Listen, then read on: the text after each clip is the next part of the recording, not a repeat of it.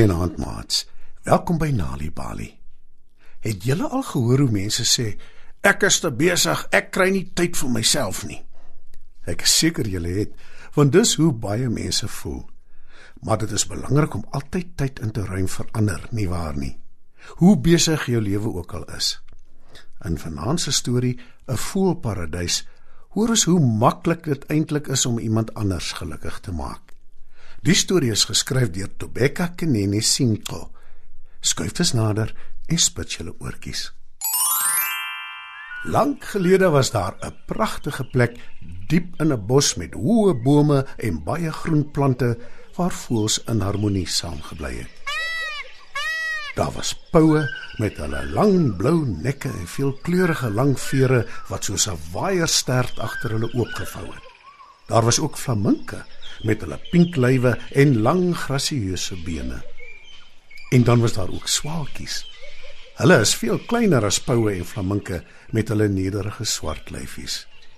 In die voëlparadys was daar ook baie veel kleurige blomme, soos madeliefies, sonneblomme en spierwit lelies wat geil gegroei het in die oop spasies tussen die bome. En daar het 'n rivier deur die bos gevloei met heerlike soet helder water. In die middel van die bos was daar 'n yslike groot boom wat baie honderde jare oud was. Een aand, redelik laat, is daar 'n skielike geklap van vlerke. Dit is ongewoon, want die voël slaap snags. Meneer Pau word die eerste wakker. Hy is 'n besondere trotse voël en verduur nie onnodige omwenteling in die voëlparadys se roetine nie. Meneer Pau kyk rond om te sien wie die steurende geluide maak en gewaar 'n swart voël toe die maan se skynsel op haar val. Help! Help! Help! Roep die klein swart voeltjie benoud. Help my asseblief. Meneer Pau skree 'n slag, maar hy ignoreer die klein voeltjie se benoude geroep. Hy gaan hom beslis nie verwerdig om 'n onbekende en wat hy beskou as 'n lelike voël te help nie. In plaas daarvan bewonder hy sy spieelbeeld in die water. Help my asseblief. Roep die swart voeltjie weer.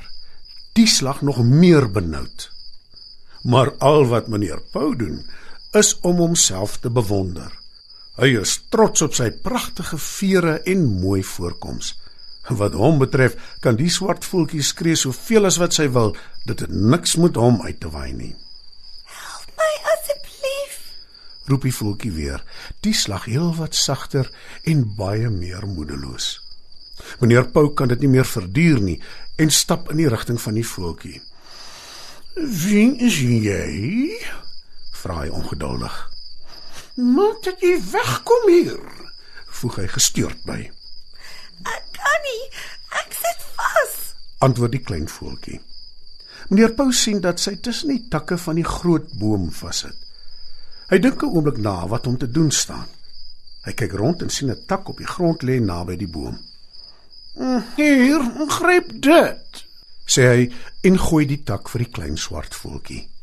Sy gryp die tak vas en klou verbeter daaraan. Meneer Pau hou die ander punt van die tak vas. Intussen het meneer Flamink, die slimste voël in die voëlparadys, wakker geskrik van die onaardse geraas. Hy kan nie 'n geraas verduur nie, veral nie die tyd van die nag nie en vererg hom bloediglik. Meneer Flamink draf in die rigting van die lawaai, vasbeslote om 'n einde daaraan te maak. Wie skop so 'n lawaai op? Dis laat. Almal probeer slaap.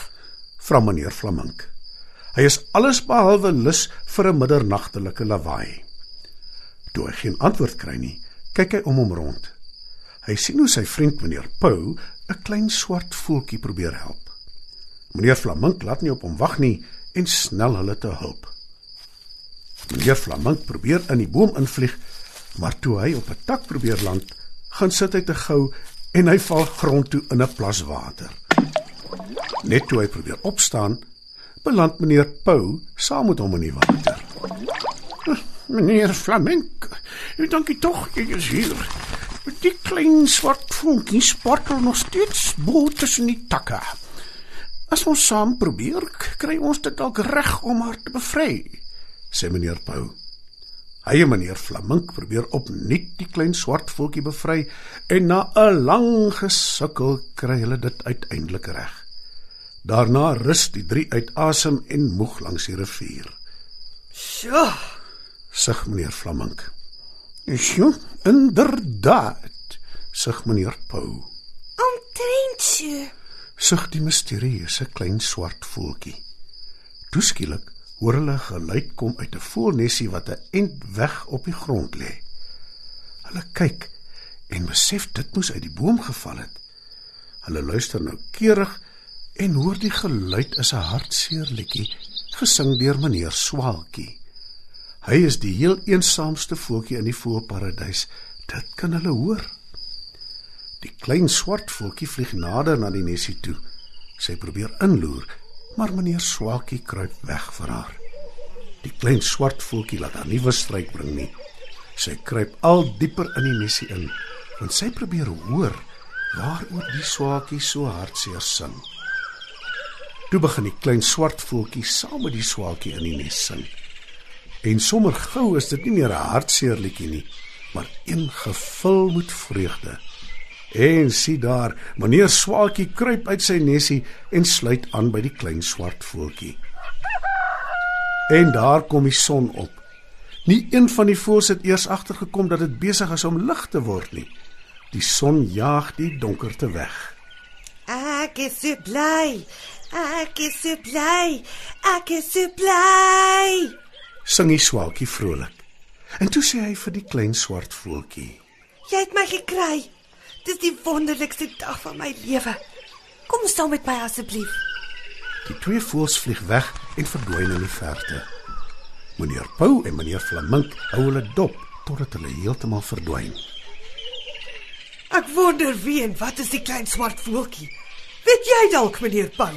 Sy is 'n swaalkie, meneer Flamink, Het jy dit van die begin af geweet? vra meneer Flamink.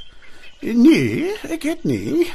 Ek het dit eers agterna besef toe meneer Swaalkie uit die nes kruip en haar saam met hom nooi. Antwoord meneer Pau.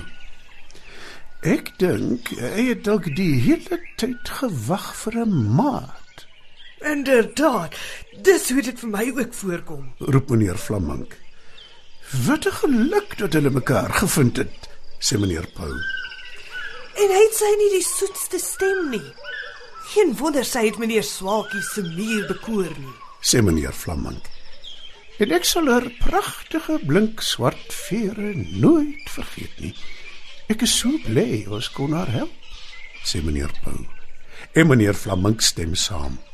Dit het nou wel sy nagrus versteur, maar dit was die moeite werd om die twee swaalkies so gelukkig saam te sien wegvlieg om 'n nuwe lewe saam te begin. Wanneer kinders tuis stories hoor, help dit hulle om beter leerders te word op skool. Vir meer stories om vir kinders voor te lees of vir stories wat kinders self kan lees, besoek ons by www.nalibali.mobi. Daar is heelwat stories in verskeie tale absoluut gratis beskikbaar. Daar is ook wenke oor hoe om stories vir kinders te lees en met hulle te deel sodat hulle hulle volle potensiaal kan ontwikkel. Nalibali is ook op Facebook. Story Power. Bring dit huis toe.